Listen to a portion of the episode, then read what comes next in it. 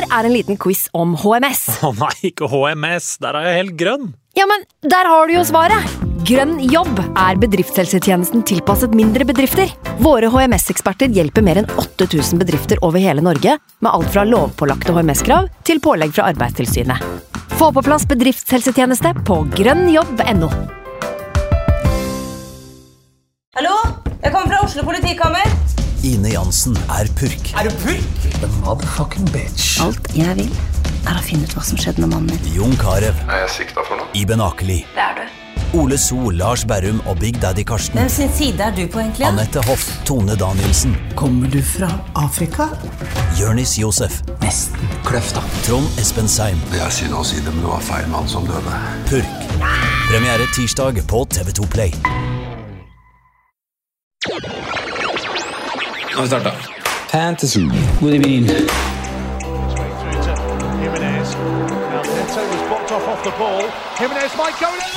through to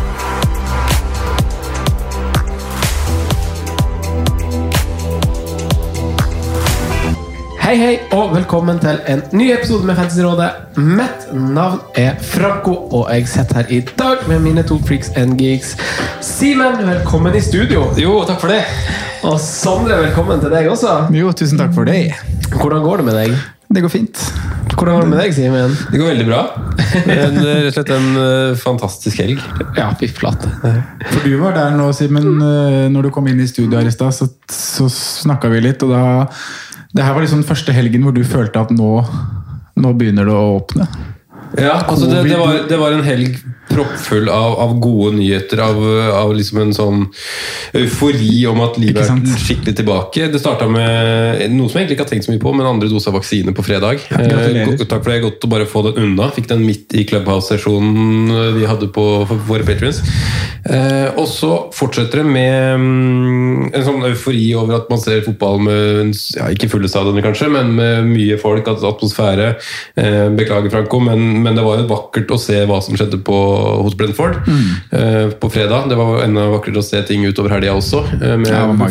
Og så avslutter det for min del, da, som eh, når jeg husker så godt når vi gikk i lockdown og vi tok tastaturene under armen og gikk hjem fra jobb. Eh, uka etter der så skulle jeg på Kveldtak-konsert, en veldig konsert jeg hadde gledet meg enormt til. Eh, da vi hadde, var fem-seks gubb som hadde kjøpt inn masse pils og skulle kose oss og ta det helt ut, og så endelig fikk jeg se de nå, da. Eh, selv om jeg ikke hadde billett, så satte jeg meg i parken. Eh, ved, det heter vel ikke Øya, men det er en miniøya av noe slag. da, når de var her, og fikk sett de med god lyd fra, fra parken, så det var sånn endelig punktum. Eh, Ringen er slutta, nå er livet tilbake. Fantastisk. Oh, deilig, Sondre. Hva syns du var diggest med, med eh, altså, oss fotballglade folk, at vi får den her eh, europastarten på nytt? Hva syns du var diggest i helga? Hva var deiligst? Det, det Simen er inne på det. Bare det å se folk på, på kampene. da. Fulle tribuner og, og slippe å ha den her stadio Eller den, eh, den publikumslyden som er lagt på sendingene. Men å kjenne at nå er det faktisk ekte fans og, som vi hører gjennom TV-en. Og også det å se alle bildene. All, all gleden, all skuffelsen, alt, hele pakka. Det var bare så sinnssykt ting. Og det starta jo rått på fredag da, med, med Brentford 2-0 og den stemninga som er der både før, under og etter kamp. var, var deilig å kjenne på igjen. Man følte liksom at man var på kamp, selv om man bare så det gjennom uh, Mac-en, for min del. Man sto litt på sida der av sofaen og andre ting på hovedskjermen med, med fruen. Men uh, det må på si. sånn. Ja, det blir sånn noen ganger. Men det er litt deilig, det òg. Ja. Altså, det er en av mine favoritting å gjøre. Å se, det vet jo sikkert dere, men å se fotballkamp, eller i hvert fall Arsenal-kamp alene. Ja, du er veldig glad i å se deg. Du, Arsenal, det liker du å se alene. Ja, jeg gjør det. Nå så tar jeg penn og fatt og jeg blokker og så koser jeg meg. Men, eh, men eh, denne gangen gjorde jeg ikke det. da Men jeg bare prøvde å sette meg inn i egentlig dere begge sko. Så, så, sin, Sindre Ny mann! Der har vi det jo! Sindre, har vi til studio. Når jeg skal henvende meg til dere begge, så går jeg for Sindre. Er det greit? Jeg har faktisk aldri tenkt på det hybrida navnet vårt, men det blir jo det, blir jo det beste. fort det. Det blir kanskje det, hvis jeg går for Sindre. Ja, Det blir litt mer sånn klønete. Ja, men uansett, det er vel lunt for, for dere begge to. Litt, litt Mac på hjørnet og litt kvelertak i parken. Perfekt. Ja, det var helt, helt magisk. Ja. En, en sånn liten ting som jeg syns var ganske digg, det var fire runder på lørdag. at, du, at du hadde lina opp med kamper som gikk samtidig. Det er jo kanskje litt sånn fantasy-greie, men jeg tror kanskje også generelt at folk syns bare det altså sånn Firerunden på lørdager. Ja. Digg fremst like fancy, digg fremst like Premier League. Eh, det er jo en greie. Ja, selv om de ikke klarer å forstå at, liksom, at man skal servere målshow for, for alle. Da. Nå, nå har vi fått, hvert fall, hvert fall fått målshow tilbake, men at man ikke kan bare legge det på en lineær TV-kanal i tillegg og liksom skal tvinge over altså, Gjør det enkelt for folk, da, tenker jeg. Men, eh, men det er godt å ha målshow tilbake, for det er jo, i hvert fall for oss fancy entusiaster, da, så er det jo Du vil se en kamp, selvsagt, men du vil jo hoppe inn når det skjer noe. altså Bare få det ene målet, om det er i fullskjerm eller halvskjerm eller hva det skal være. Det er, det er, det er nytelse å nyte firerunden når det er sånn som det der. Enig. Eh, Simen, vi skal snakke litt om eh, vår runde, hvordan vi landa, eh, tankeganger rundt hvorfor vi landa sånn vi gjorde. Eh, og Simen, du var jo innom det. Vi hadde jo ei kanonuke egentlig på, på Patrion. Eh, Simen, du kjørte, som du nevnte, en, eh, en clubhouse inn mot fristen. Eh, jeg vil gjerne vite hvordan det funka, for du avslørte kanskje lag og sånn der, men vi hadde også intervju med en av Norges beste Fantasy Premier League-spillere, rett og slett. Og en ekstraepisode, så det var ei aktiv uke og masse aktivitet på Slack, og det var kult. Men eh, Simen, hvordan, hvordan eh, altså, fikk du input på, på, på Patreon? For du eh, var jo en av de som tøffa seg litt i forrige uke. Ikke sånn, ikke sånn uten Bruno-tøffing som mange var på Twitter som krøp til korset og så hva alle de andre gjorde, men du hadde noen rare tanker. Også Ja. du, også kanskje, kanskje noen på, noen på Clubhousen klarte å vippe deg til liksom, et fornuftig sted allikevel? Jeg hadde det samme draftet rett før Clubhouse som jeg endte med. Så jeg gjorde ingen endringer i løpet av den sesjonen. Selv om jeg på en måte førte mange gode innspill og gode diskusjoner, og sånt, så, var det det samme laget det jeg endte med.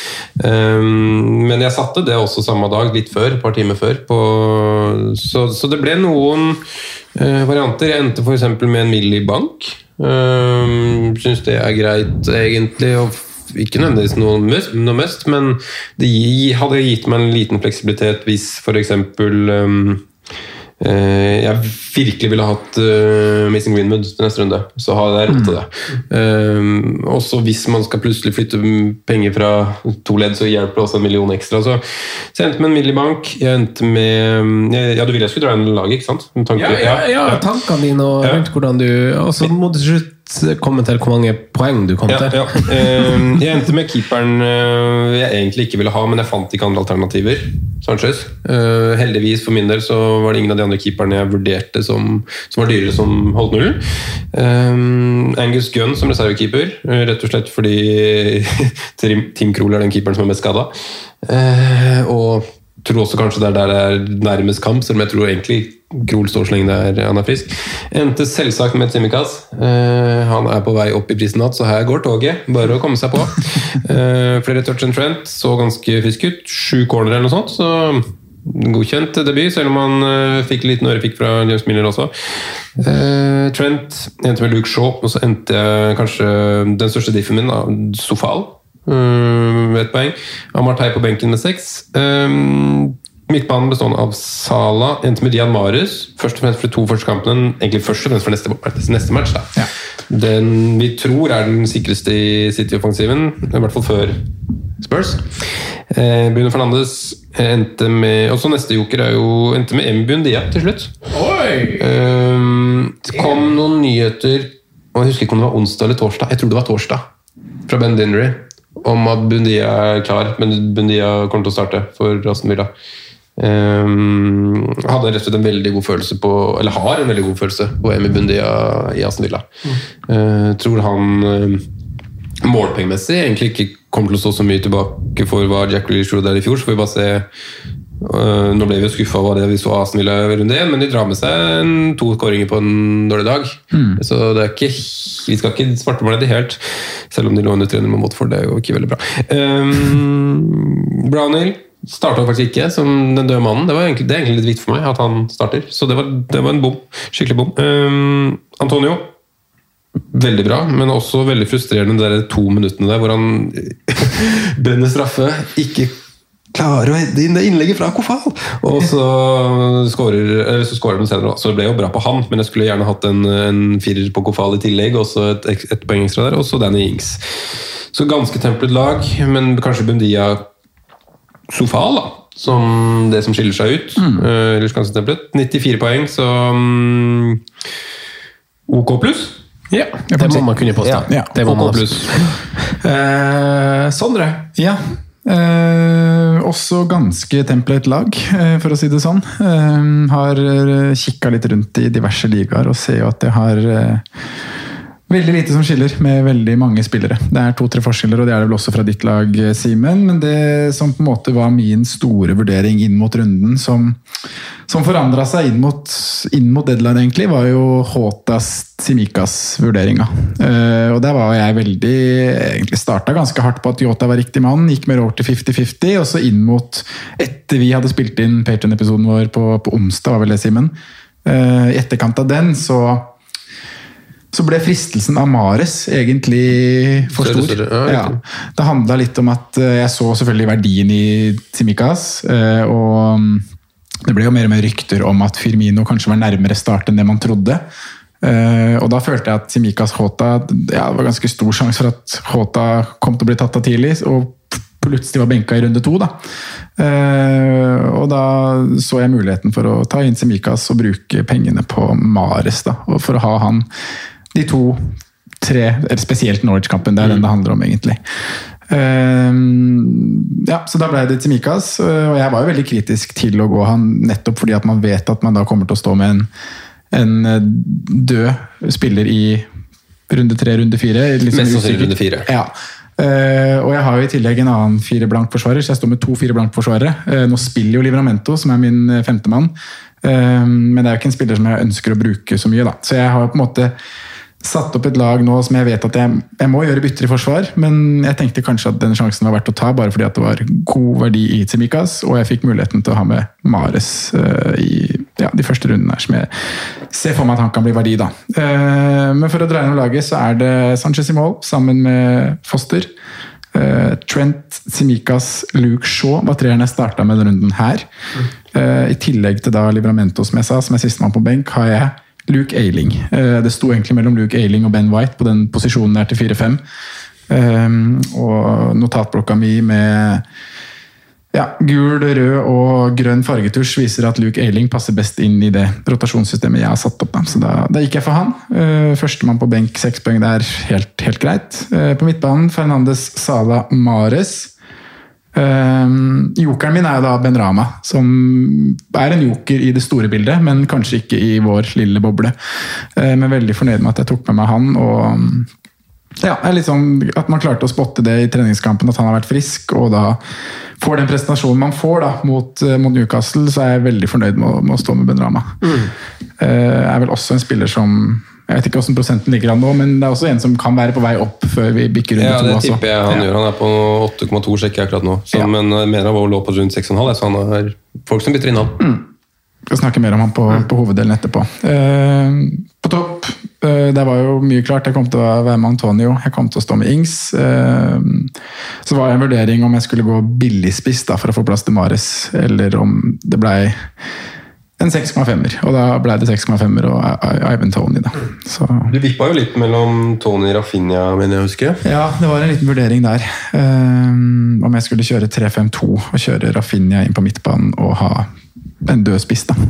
Men uh, valgte egentlig Tony basert på kampprogram, og også liksom fleksibiliteten i å ha en, enda en eh, spiss hvor det er litt midler i, da, hvis Lukaku skal vise seg å være must fra, fra en tidlig runde her. Så, så går det an å gjøre litt bytter. Så alt i alt veldig fornøyd, og ender på 105 poeng. Wow! Du er en av de eh, Twitter-folkene. Jeg er i Jeg du, du, du tweeta ikke engang. Nei. Jeg trodde det var obligatorisk. Ja, vel, ja, jeg har ikke helt skjønt det Twitter-gamet. Men eh, jeg ser at vi har vært eh, Vi har alle tre Altså Jeg eh, klarte å forholde meg til det som var planen min, som jeg sagt i en av preseason-episodene, og ikke dele noe lag. Eh, og det hjelper jo sånn at vi ikke jobber på samme kontor lenger, for da kunne jeg fort ha rakna. Men, eh, men eh, eh, forsvaret mitt er jo vel identisk med ditt, Simen. Eh, og jeg har Ben White som min femtemann, og årsaken til det er, det er egentlig Simikas. Han spiller de siste tre, og da fra det punkt, altså da, jeg bruker bare samme forsvarsfirer alle de tre første kampene, og så ryker Simikas, og så kommer Ben White med Norwich hjemme i Gaming 4. Eh, så det passer, passer liksom greit. Hvis jeg For jeg vil gjerne spare wildcard, i hvert fall. Jeg vil ikke planlegge å bruke tidlig wildcard, men jeg syns ikke det er gunstig å bruke det i den første landslagspausen heller, fordi da er overgangsvinduet er ikke stengt heller. Så plutselig kommer det noen inn som skal spilles inn, så jeg vil heller liksom at sånne nye spillere har kommet inn litt i laget. da. Eh, Så, altså, det jeg sa i podden i forrige uke, det husker sikkert dere, men det var at jeg, er helt imot å ha to United-angripere basert på de fire første kampene de hadde. Eh, så da sto vel Og det er litt rart å si, men han Greenwood han stod ganske, han sto ganske bankers i laget mitt ganske lenge. Eh, var litt fram og tilbake liksom, i starten, men han har egentlig vært liksom, i samtlige draft fra jeg liksom, begynte seriøst, så det var jeg fornøyd med. Jeg syns også han så god ut i kampen. og og Grunnen til at jeg lander på, på Timikaz, den tar egentlig dere perfekt for meg. Jeg tror jeg ville fått mer poeng denne runden dersom jeg hadde gått Yota. Mm. Eh, for da hadde jeg mest sannsynlig spilt han uh, Amartey mm. for, for, Leicester akkurat denne runden. Uh, men uh, på sikt så tror jeg det går. Og, det, og mitt eneste sånn Jeg tror ikke Jeg fikk 99 poeng. Uh, Rakner fra 100 fra Grealish. Får et gult kort på overtid! men jeg skal gå inn på hvorfor jeg valgte Grealish. men eneste som var Det var det altså sånn Ben Rama var liksom aldri nær å, å sette på, egentlig, fordi jeg hadde Antonio og Sjofal, og jeg syntes tre var for mye. Ja. Uh, så det var liksom vurderinga jeg tok der, sammen med Callum Wilson. Jeg vurderte egentlig aldri han heller, for jeg ville liksom ikke ha flere spisser når jeg, Antonio var banker. Jeg ville liksom uh, Jeg ville ikke ha han i hamstring-trioen som vi snakka om. Uh, og grunnen til at jeg landa på Grealish, er Litt sammensatt, men jeg kan jo gjøre det ganske kort. Det er bare fordi eh, dagen etter podkasten vår, eh, eller to dager etterpå, så gikk jeg på nettsida til City og sjekka. Eh, og så så jeg et par lengre sånn, treningsvideoer de hadde lagt ut. Eh, og da var jo ikke han, han, han Stirling og sånn var ikke kommet tilbake ennå. Jesus mm. var heller ikke det. Eh, og de hadde liksom første treninga på onsdag eller tirsdag, eller noe sånt. Og da tenkte jeg sånn, så jeg på lagoppstillingene han hadde i Community Shield mot, mot Leicester. Da spilte han en halvtime av Grealish, og han har liksom ei full uke, halvannen uke trening. og så de bruker ikke han der Edozi mot Tottenham borte. det gjør de bare ikke. Så jeg tenkte sånn, jeg kjører, jeg kjører Grealish fra start. og og, og, og, så var det også Jeg ville ha Mares, men jeg ville ikke ha 2-4-0 bak. Nei, for det var den vurderingen jeg sto i òg. Så, så det, var, det, var, egentlig årsaken, men uh, jeg uh, ja, så det, det, er litt sånn, og så var det jo også for at det var litt artig. Men vi skal gå videre, og vi skal etter hvert ta, ta synsundersøkelsen. Men eh, jeg har, jeg har, noen velvalgte ord, for det er jo en del uh, fantasy-managere som valgte å gå uten Bruno. Og det var kanskje noen som valgte å gå uten Sala òg. I, I, snakkende stund så er de eid av 55% begge to, av 7 millioner spillere. Eh, før runden så var begge under 50% så over 250 000 og 150 000 har liksom bytta dem inn nå. Uh, og så, Hvis du har gjort en litt dårlig runde, så skal du vite at mange av dem foran deg har brukt chips denne runden. Mm. Blant annet så var det nesten 32 000 som trippelcap av Bruno Fernandes denne runden. Ja, de traff jo, de. Ja, de gjorde det. De gjorde det. Er ikke sikker vi slår det. God tid å ta de Men vi har god tid å ta igjen de 20 poengene på. Det er sant, det er det. Uh, og mange av dem foran deg har allerede banka ned masse minuspoeng for å få på Bruno eller Sala. Mm. Uh, mange av dem har sikkert aktivert wildcard. eh, og, så, så, det er nå løpet starter, føler jeg. Det er nå du skal ta de, ta de, viktige og de riktige valgene. Det gjenstår 37 runder. Alle hadde frie bytter. Kanskje du kom litt skjevt ut, men det er mange innersvinger. Du kan ha litt flaks, og du skal på oppløpssida. Det er lenge igjen. Det er veldig lenge igjen, så det er nå de trekkene du gjør, er avgjørende, egentlig. Fordi det er nå det begynner å koste deg poeng hvis du gjør dumme ting. Eh, så bare Keep calm. Keep calm. Ja. Ja, ja. Vil, du ha, vil, du ha, en liten vignett før eh, du gjør synsundersøkelse, eller vil du dra agendaen i dag? Hvordan vil du gjøre det? Vi kan jo dra en liten agenda, da, så de som hører på, vet hva konkret de skal få, få komme gjennom i løpet av episoden. Vi har ganske mange nye lyttere hver høst. Vi har det. Vi har det. Heldigvis har vi det. Da må du fortelle hva synsundersøkelsen er, og hva alt. Ja, Starte med agendaen. Ja. Ja. Uh, vi er jo, som du sier, så er det, er, det er bare starten nå. Det er begynnelsen av sesongen. Så Begynnelsen det er ofte den viktigste delen av arbeidet. Det, det er uh, den viktigste delen man legger ned i en, i en prosess. Uh, og Jobben vi har gjort nå før Gamevik 1, det har bare vært halvparten av begynnelsen. Nå er neste halvdel av begynnelsen det har vært å kartlegge Gamevik 1. Så vi skal, vi skal, snakke mye om det. Hva, hva, så vi? Vi skal ha en synsundersøkelse hvor vi, hvor vi snakker om hva vi har sett i helgen. Jeg skal komme mer tilbake på liksom konkrete ting vi, vi, ser etter. I tillegg til det så skal vi gå gjennom egentlig alle ledd og snakke om de spillerne som har levert, og hvem vi har på vår berømte watchlist for, for, veien videre. Avslutningsvis så har vi noen, i hvert fall én fast spalte som heter På perrongen, som også er veldig viktig nå i starten av sesongen. På perrongen det er kanskje en av våre favorittspalter. Den har vært med oss hele veien, men det er ofte i starten av sesongen den er morsomst og artigst. Så I hvert fall mest åpen. I hvert fall mest åpen, ja. Ja. Så det er det er det vi skal gjennom i dag. Så bare hoppe rett til synsundersøkelsen etter en liten vignett. Synsundersøkelsen, eh, spalten hvor vi snakker om hva vi har sett i helga. eh, For å friske opp for nye lyttere hva synsundersøkelsen er. Det er spalten hvor vi nevner spillere som leverte en god prestasjon i helgen som gikk, men som kanskje ikke fikk den utdelingen de hadde ønsket selv. Eh, Det kan også være spillere som har levert en helt horribel prestasjon, som vi rett og slett må advare mot. Kanskje vi også toucher innom de i dagens eh, synsundersøkelse, men eh, i positiv forstand da, så handler det om spillere som har ja, enten eh, levert en god kamp, eh, har gode involveringer, ser ut som ligger i farlige posisjoner, eh, som nærmer seg noe målpoeng, da, som vi liker godt i fantasy-sammenheng. Så eh, vi kan egentlig bare starte på, på fredag og snakke litt om, om den kampen. Brentford-Arsenal. Eh, Simen, jeg vet at du har notert deg i hvert fall ett navn på hjemmelaget, hvis du har lyst til å starte der. Ja, og det er egentlig mannen vi sa litt sånn nei, nei, nei til før, før sesongen. fordi at, eh, Ikke nødvendigvis for at han var et dårlig valg, men at eh, Nå skal ikke jeg skryte på meg og si mest, sett mest Brentford i forkant, da. Eh, men alle som jeg på en måte har lest og, lest og skrevet om Brentford, alle som liksom har ment noe om Brentford, som har sett Brentford, har jo ment at dette er på en måte et one man team, hvis man ser i et FBL-perspektiv. Og det er Even Tonys eh, lag. Eh, men det var jo uten tvil eh, hans makker på topp, eh, Brian Mbuemo, som var friskest mot Arsenal, kanskje farligst. Jeg syns for så vidt Tony gjør også en god match, men det er Mbuemo som er nærmest både én og to skåringer. da. Ja. Eh, har noen fine, har en veldig fin dragning der. hvor han Det er vel Ben White han vipper av og, og skyter til side. Ellers så er han også egentlig generelt farlig, syns jeg. Eh, en, en god match. stolpeskudd Eh, kul spiller. Eh, så et hyggelig bekjentskap, og første som får notere seg på, på synsundersøkelsen for sesongen. Ja, jeg støtter, støtter Mbuemo 100 jeg. jeg synes Det er jo også veldig å nevne at han spiller out of position, da, som det ser ut nå. Han spiller i tospann med Townie på topp. Eh, Så det liker vi jo. Veldig frisk. Mye smarte bevegelser, som du sier. Han er en sånn kraftplugg. da. Begge, begge to egentlig på topp. Jeg føler jeg var kraftplugger. Tone var veldig sterk og robust i God i møt, god i Ja, ja, ja. Mm. Hvis vi snakker litt om, kan ta litt om Tony òg, når vi først har nevnt han, så eh, Jeg ble litt sånn bekymra som eier, for jeg syns han var veldig mye dyp. Mm. At han møtte litt vel mye, og det var Mboemo som løp mye inn bak, i tillegg til, Ja, det det til. Kanos og også ja, kanskje noen indreløpere som var litt i bakgrunnen der. Men jeg, jeg ser jo for meg at Townie kommer mer til sin rett som den boksspilleren han er- han er, når de møter kanskje litt svakere lag, da, hvor Brentford får lov å ha litt mer ball. For nå var det jo veldig sånn ja, vi, vi slår ballen mye opp mot Townie, som slår White i Jeg tror han vant sju. Han var ikke, vant ikke så mange hodedueller. Jeg sjekka faktisk opp, jeg trodde han hadde vunnet sånn 20 hodedueller, men det var bare syv.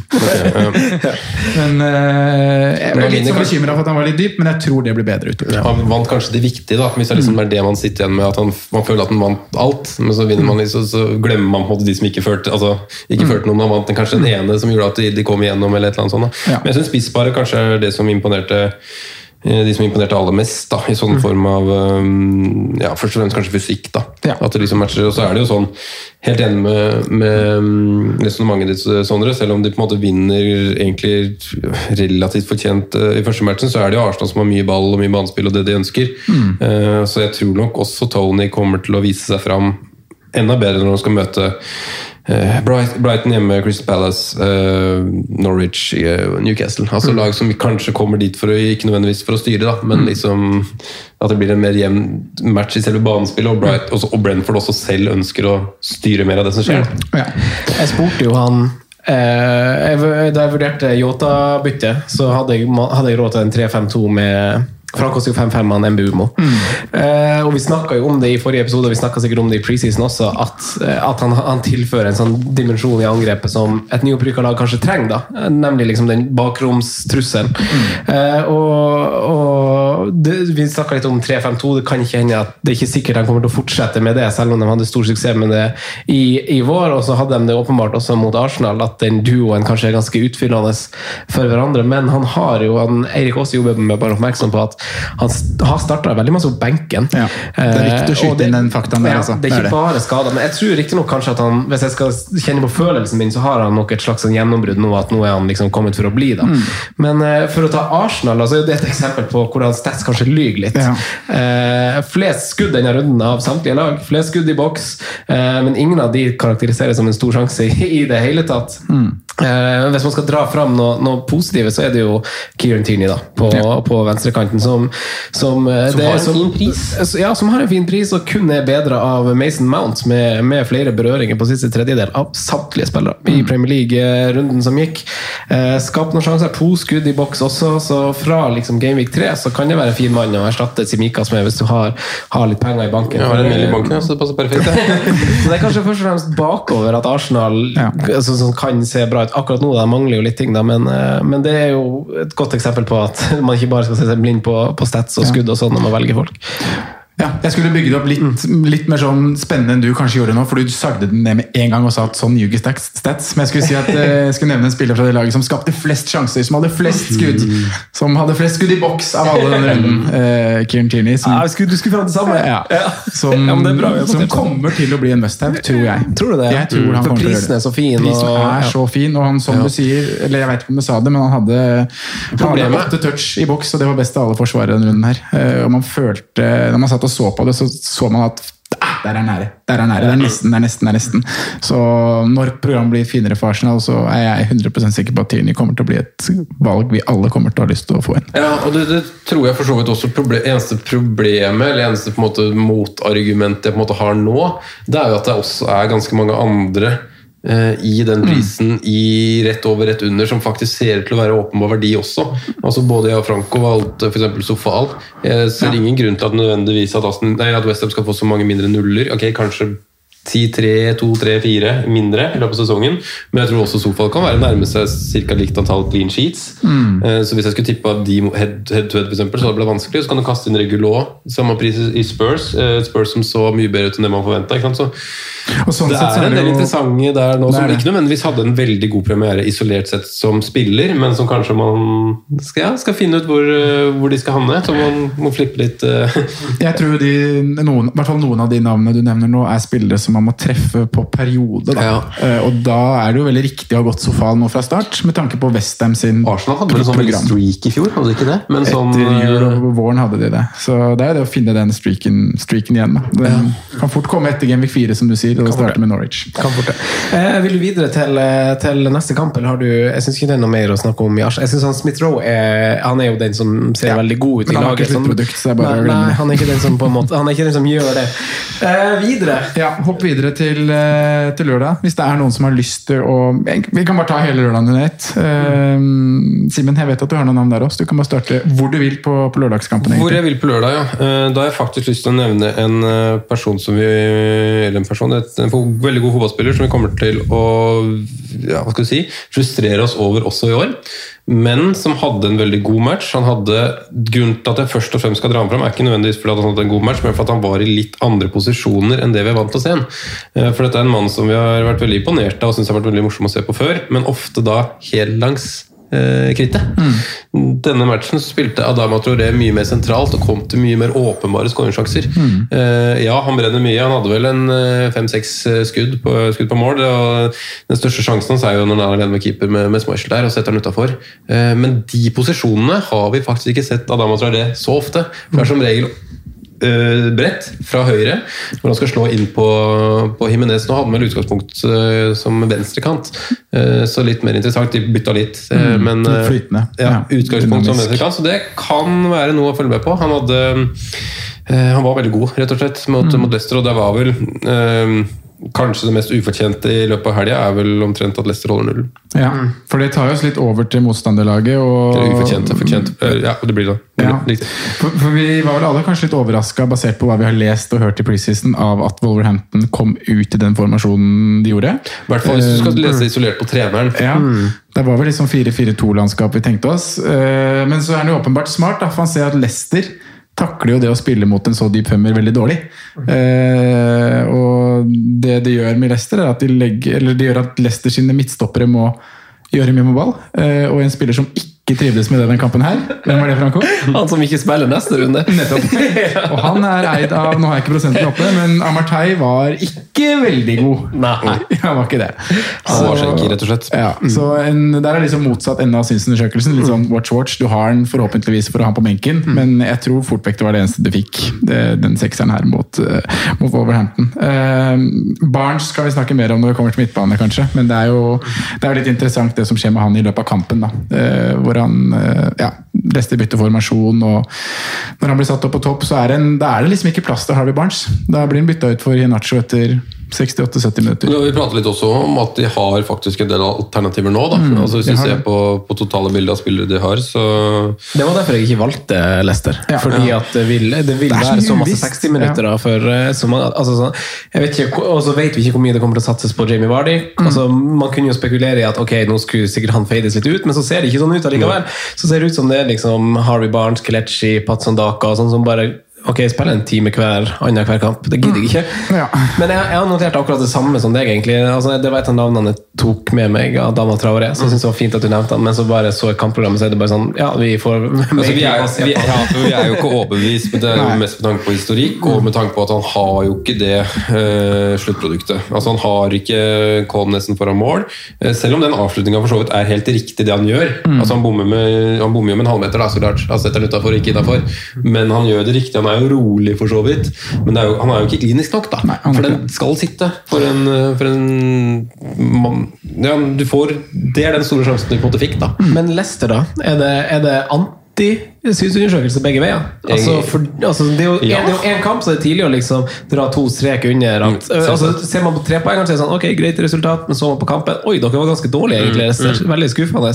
Så, så jeg skjønner at vi må, når vi kommer til posisjonspratet, sånn, må gjennom eh, praten i Leicester. Jeg ble, ikke, jeg ble i hvert fall ikke mer gira. Nei, helt Nei, enig. jeg er helt enig i det. Men ja, Hvis vi hopper til søndag, da, så har vi to kamper igjen. Uh, Newcastle-Westham har ikke jeg så mye synsundersøkelsesmessig fra. Der har vi levert jo nesten alle spillere målpoeng. Det var seks skåringer totalt. og Det var som én spiller da, som ikke fikk uh, et fortjent målpoeng i Newcastle uh, Westham. Jared Bowen.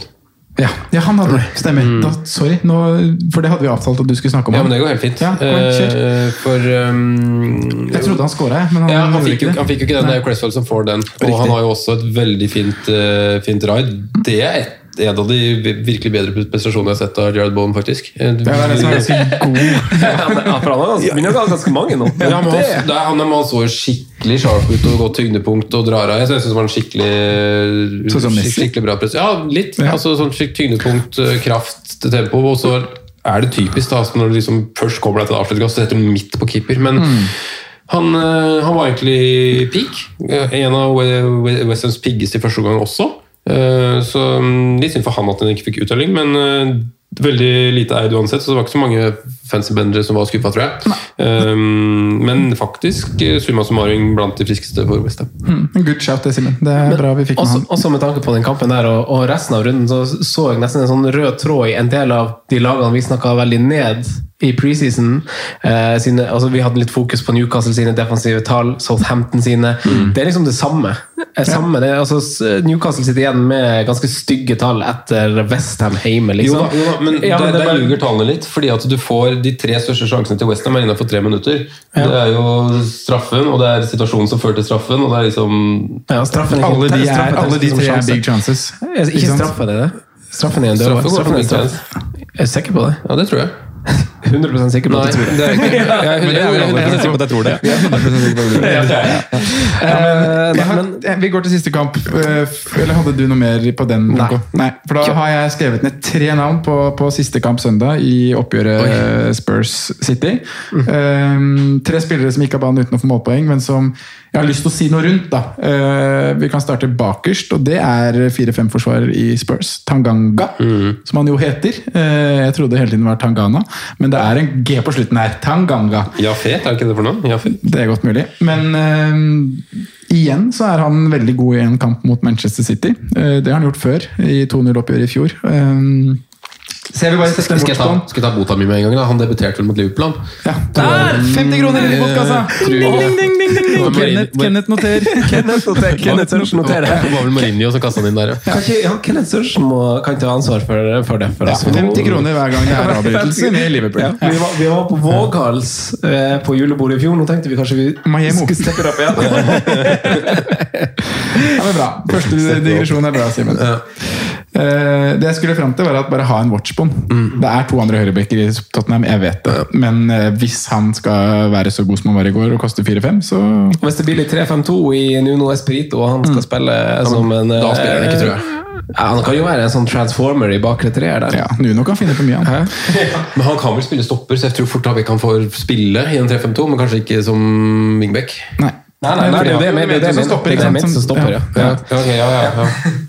Eh, Andremann, en spiller vi kjenner utrolig godt. Uh, alle har et forhold til han fordi han har vært inne på veldig mange lag og underprestert. Det er Lucas Mora. Eh, outstanding i går. Sinnssykt god. Ja. Eh, og så har han jo de manglene vi vet han har. Men eh, rollen han har i gårsdagens kamp, er i hvert fall veldig veldig spennende. Men han var bedre, altså han leverte bedre kamp enn han var fantasy-aktuell. Hvis dere er med meg på den. Ja, men- og, men det, det ligger også litt i at man har den historikken med at man vet at han er en litt slurvete sistepasningsmann. Han har litt, klarer ikke å stive ankeleddet helt. Det er litt sånne små detaljer som Men det er et eller annet Ja. hva skal jeg si, ja, interessant ved Lucas Mora som fotballspiller. Altså. Det, er han, ja, som du sier, han er en veldig god, bok men om han det. mangler noe. Skriv, skriv i bok om det. Jeg sier det. Lukas Moras mangler. Det skal vi gjøre. Ja. Du vil jo ha forord til den boka. Lucas Moras mangler. Fin en. Det hadde vært interessant. Siste spiller eh, er en som jeg bare vil snakke litt rundt. For det har vært mye spørsmål om hvilken rolle han skal få i Manchester City. Jack, Jack Grealish. Eh, og jeg var veldig spent på hvordan han skulle spille når Stirling var på banen. For man har liksom tenkt at venstrekant er den eh, beste rollen. Og hvordan blir han som en type indreløper? Eh, og jeg ser for meg at han tar veldig mye av de løpene og posisjonene som Gundogan hadde i sin godperiode i City i fjor. Jeg syns han var Eh, man kan jo bare, Vi vet hvor god han er i fotball, og hvor god førstetouch han har, hvor godt skudd han har når han kommer til mulighet til det, men han kom også mye farlige posisjoner i boks. da. Uh, den der, eh, ja, når, når de kombinerer fint mellom bekk og kant, så har indreløperne i en egen evne til å gå på de løpa hvor de bare får ball på 45-pasning. Uh, og der, hvis Jack Wheeler skal spille den rollen, blir det veldig, veldig farlig. Så jeg føler jo på en måte at jeg har valgt feil mann, fordi han jeg sitter med, Marius, som lå ute på høyresida der, han var jo helt anonym. Eh, og City var veldig venstrevridd i måten de spilte på, i hvert fall i går. Men så vet jo vi hvordan det her varierer fra kamp til kamp. Så, men det er i hvert fall første betrakt- betraktninger på Jack. da, At jeg syns han er spennende både i den rollen han hadde i går, og vi vet også at han kommer til å være god hvis han spiller i den typiske venstrekantrollen.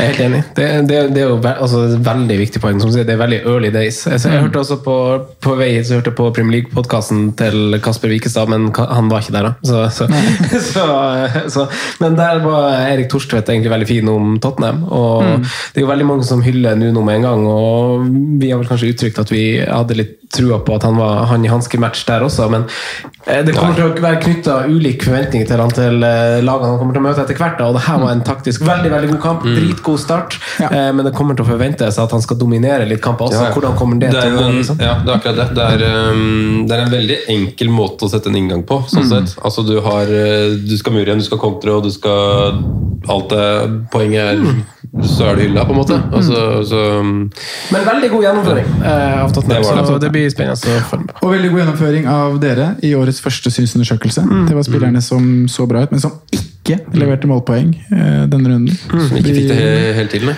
En veldig god spalte, og en, egentlig en runde hvor man følte at alle fikk Vi klarte å grave opp noe. Ja da, vi Men eh, vi går eh, videre til eh, det som blir hoveddelen, da. Vi skal uh, ha bestemt oss for å, å gå litt gjennom uh, ledd for ledd uh, i, eh, etter denne første runden. For det er ikke så masse stats å bruke som valid data etter, etter kun én runde er spilt. Eh, Men vi starter i det defensive. Duffy var vikar. Eh, mannen som folk skulle triple-cappe for et par sesonger siden, kom til delt nest flest avslutninger i boks av samtlige med sine fire. Eh, han er nok riktignok på lånt tid, men, eh, men Sondre, du, du, altså det er jo andre firere som kan se, se fine ut og til å være på mm, inne på mer fast basis, faktisk.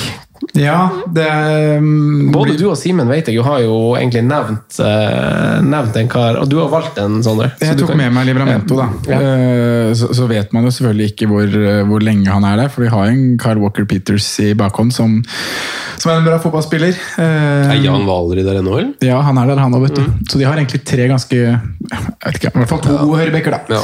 Uh, men Livramento. Er han det? Jeg lurer på om han er utlånt til Championship. Ok, ja. Ja, men det spiller ingen rolle. Det gjør ikke det. Livramento hadde i hvert fall plassen nå i helga. Han får jo voldsomme skryt, da. han gjør det, og det er det som er liksom det positive her. da. Men igjen så er det jo en spiller som har et tøft kampprogram og, og sånne ting. Men jeg, jeg ser for meg at hvis, hvis han viser seg å være fast, så er det en spiller jeg kan bruke Ja. hjemme mot Wolverhampton, borte mot Newcastle, i sånne typer kamper. da. Det er greit å ha en forsvarer fra lag som rykker ned. Ja, det er fint, det. Det blir 18.-plass, og det har vi sagt siden, eh, siden juni. Så. Men i hvert fall så er han et alternativ. Uh, Amartai har vi jo ikke så troa på Nei. lenger, egentlig. Der vet vi at det kommer inn en Janik som kommer til å ta plassen. Men mannen du sikter til, er vel uh, godeste Wolverhampton Hva heter han, Simen? Kiana Ki- Hoover. Ja, her fant jeg den. Ja. Han starta på høyre. Gjorde det? Det ble meldt, det. Ja, vi meldte hele sommeren, det er i hvert fall en av oss. Ehm, rett og slett for at eh, han Semedo ikke er god nok offensivt, vil jeg anta. Ehm, men Kiana kan jo også bekle begge bekker og, stoppeplass også, så jeg tror han får en del spilletid i det laget der. Men jeg tror ikke han blir helt fast. Men jeg tror han, jeg tror han er bedre enn det folk tror, da. Eh, Ja. Ikke noe sånn all verdens match, han, av selve skaping eller noe sånt, men det er jo å helt tatt ha spillende 4-0-forsvaret er jo det er jo på en måte pri én. Da. Men det så ut som et veldig godt organisert Wolverhampton-forsvar. da. Basert på det lille jeg har sett av høydepunkt. i hvert fall. Så Leicester skapte og- sjanser, selvfølgelig, men det var ikke sånn all verdens med sjanser. Og Det er vel kanskje derfor man går også litt sånn i vante uh, spor. ja. At man starter med en 3-backs, eller 3-5-backs, og så tar det derfra. Og Hvis man da ser på programmet Wolverhampton har fra runde fire, med Watford, Brentford, Southampton, Newcastle, Villa, Leeds, Everton, Palace, Westham, Norwich Jeg kan bare fortsette. Rekka er sykt fin! Uh, hvis uh, man skal wildcarde, for eksempel, så er Kiana en spiller jeg ville tatt på wildcard. Hvis han fortsetter å spille de kampene. Mm. får, får litt tid på å vurdere, eller Ja. se på det. Det. Men, men altså, Forsvaret føler jeg jo for ganske mange Der tror jeg ganske mange av våre lyttere uh, har egentlig gjort en ganske god sånn grunnjobb, for her var jo uh, en veldig felles stamme for mange, spesielt kanskje i Trent og Shaw, og så ble det etter hvert mer Simikaz enn man kanskje skulle tro. i hvert fall uh, altså Etter podden vår så skårte Jan Firmino de to skåringene i treningskamp, som jeg tror gjorde at noen, noen vippa til Simikas, og så tror jeg etter hvert man skjønte at kanskje troppen ble bedre. Men eh, da, det er ikke så masse spørsmålstegn. Jeg stiller meg bak. Jeg, jeg satte i hvert fall opp et type forsvar som, eh, som jeg skal surfe på en stund, for det er der jeg helst ikke vil gjøre bytter underveis. da. Eh, så, så der tror jeg liksom Jeg vet ikke hvordan du, hvordan du velger å løse det, Sondre, at du har eh, to firere. Nå har du, en, har du en plan for det? Har du en Nei, jeg har ikke noe sånn konkret bytteplan, annet enn at uh, jeg har jo tatt med Luke Ailing, da, som kan komme inn. Uh, runde fire mot Liverpool er selvfølgelig tøff, men igjen så hadde jeg det Der kunne jeg hatt, der har jo Ben White en mye finere kamp. Han møtte jo Norwich den runden, så isolert sett bare den kampen, så hadde Luke Ailing vært Nei, Ben White vært et bedre valg enn Luke Elling. Men kampene i forkant og etterkant syns jeg Luke Elling er finere. Og hvis det viser seg at jeg må spille med en fast treer, da, som da er Trent Shaw og Luke Elling i en liten periode, så, så går det. Ja, for du har tre bak, du. Du har 3-4-3. Ja. Rått. 3-4-3. Jeg er old, Old school. Old school in that shit. Oh yeah. Nice. Ja, ok. Ja, men da, da, altså, og Simen, vi står identisk. Du, jeg har White, og du hadde Amartey. Amarteia. Ja. Mm, Men jeg har jo en mer i bank, da. Så det er på en måte forskjellen. Men det er jo også grunnen til at jeg tar med meg Sofal. er jo langsiktig hvis man, ikke, hvis man klarer å holde det til wildcard. Mm. At man slipper å bare stå med et Simikaz og så to-fire blankere i Ja, for du Det- også er jo fort i en situasjon lik meg om, om to runder, at du har to døde fire nullere. Ja. Det har jeg. Men- og, og da er det på en måte å ha Sofal allerede, så forsvaret på en måte er At du har tre mm. og så sitte med en mild som du på en måte kan gjøre noe med altså, jeg kan, hvis, jeg, hvis jeg virkelig vil gjøre det byttet nå, så kan jeg jo gå Brownhill til Mbemo. Eh, Eller noe sånt. Og så kan, så kan jeg gjøre annet med, med ja. Så jeg kommer ordner nok det. Men jeg er vel en en av få da, som tror at Simikaz i hvert fall spiller de fire første. Og så får vi se derfra. Men hva tenker dere om, eh, om er det noen andre forsvarere, noe som man er unnagjort med den første runden? Nå er det jo liksom perioden for dem som skulle sp Luke Eiling fikk jo ikke noe målpoeng i fjor, og han fikk, han fikk skåring i første kamp. Uh, Cresswell skårte vel heller ikke forrige sesong, men han dundra inn igjen, han òg. Ja, så, så, så, så her, nå skjer det ting. Men, ja. men Nei, det er ikke så mye mer å si om Forsvaret, Nei, tenker jeg. kan vi ikke bare hoppe videre? Jeg trenger ikke å skrape bånd i bøtta for å bare si noe. For å skravle, nei. Ja, nei, nei, vi går til, til midtbane, da. Og dette er jo leddet der det faktisk er litt bevegelse, det er litt spørsmål og det er litt dilemma. Sånn, så, så du begynte å riste bort Nei, i jeg, stolen. jeg, jeg ville egentlig si noe mer på forsvar, men så droppa jeg det. Fordi jeg ville bare si at Henry fikk clean sheeten i første runde. Rico. Rico fikk clean sheet, ja. Men ja, fortsett. Nei, det var, det var egentlig det jeg skulle si. Jeg skulle bare si at det var altså Det er jo i midtbaneleddet det, det har vært litt action, og det har vært ganske mange som har levert. Vi har jo City United, Barnes, Benrama, Rafinha, Mbumo, Yota, eh, Sortsjek mm. det, altså det er bare en del spillere som leverer, og så er det kanskje en Parallelt noen som f.eks. valgte Barnstad, som, som sitter med skjegg i postkassa og lurer på om han da skal bytte. Og kanskje en skada Gundogan for dem som valgte å gå der, som plages med skuldra.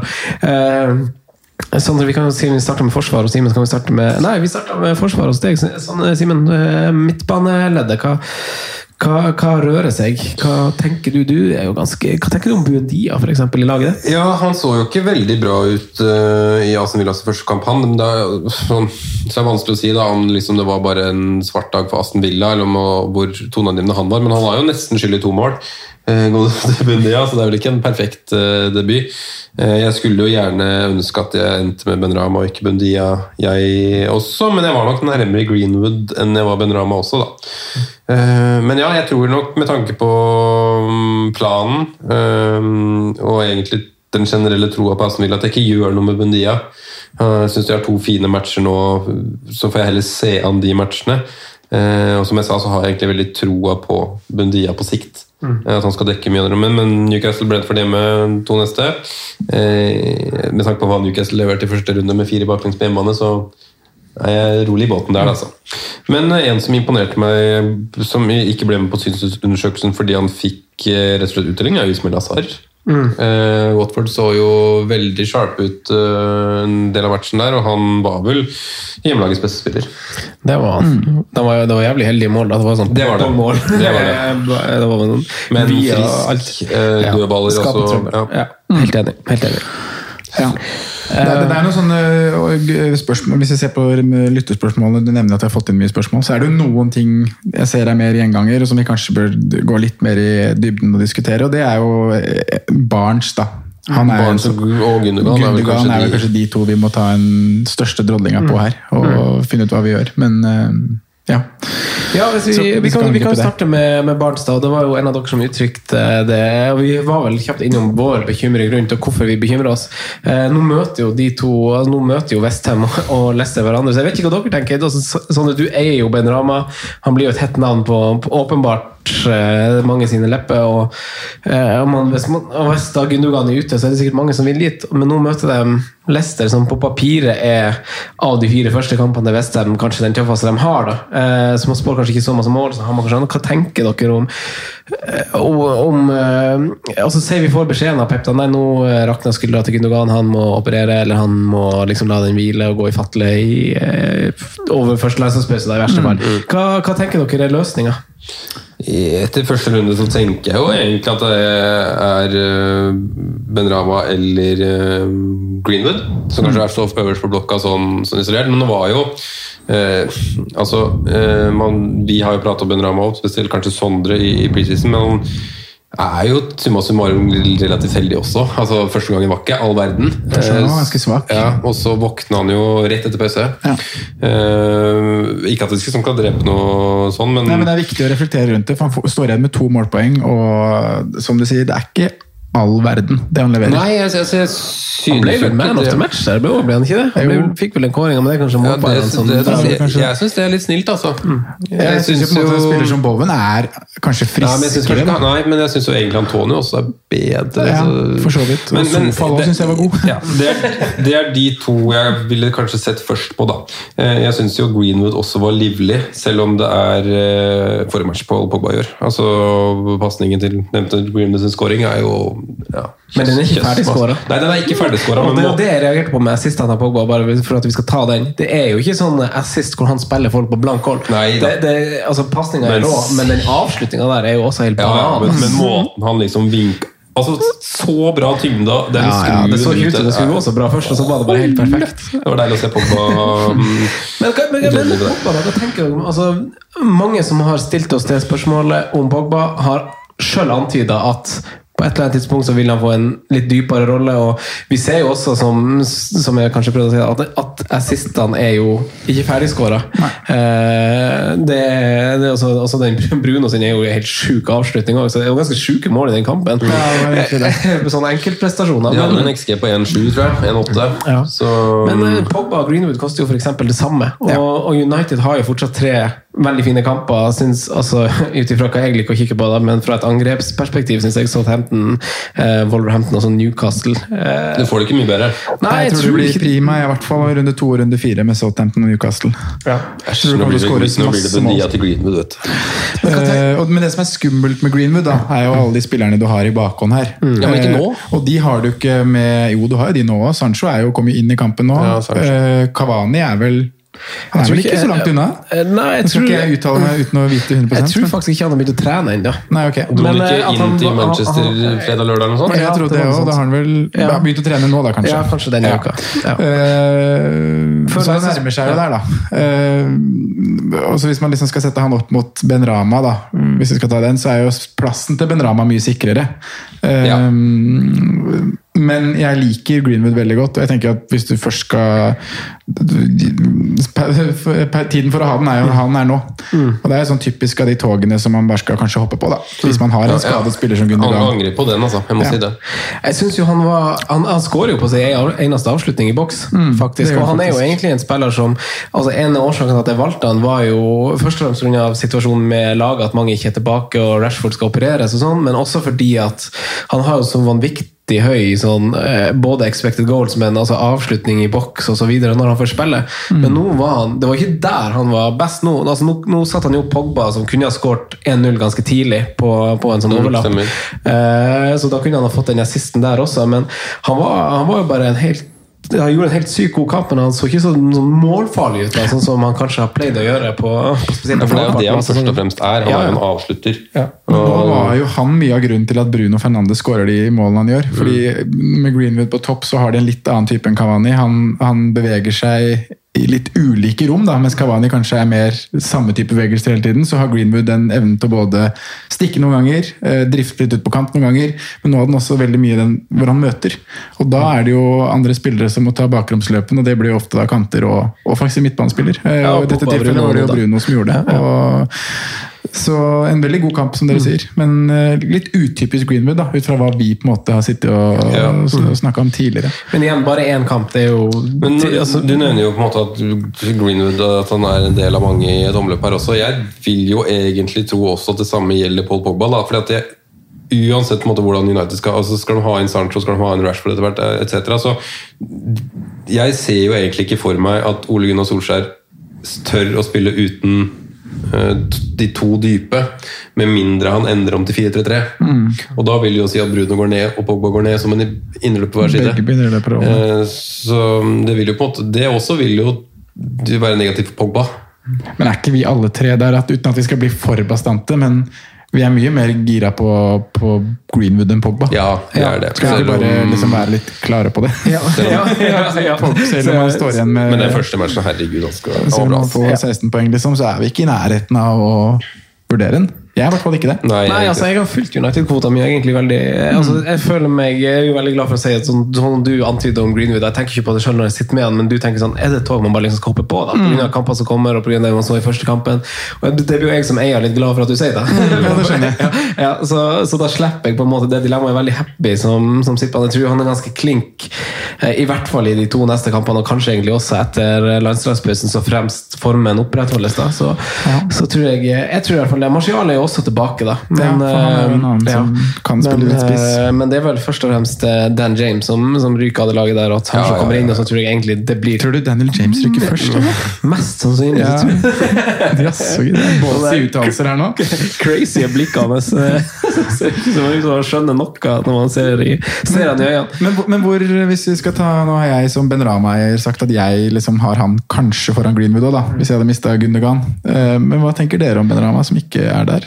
Nei, det er jo får være først og fremst irriterende. Egentlig. Altså, at han, Barnes til Benrama, er ikke det Ikke at man skal bytte ut Barnes, det er ikke det jeg sier, men hadde man Ja, Hadde du bytta ut Barnes nå hvis du ikke har noe annet å bytte?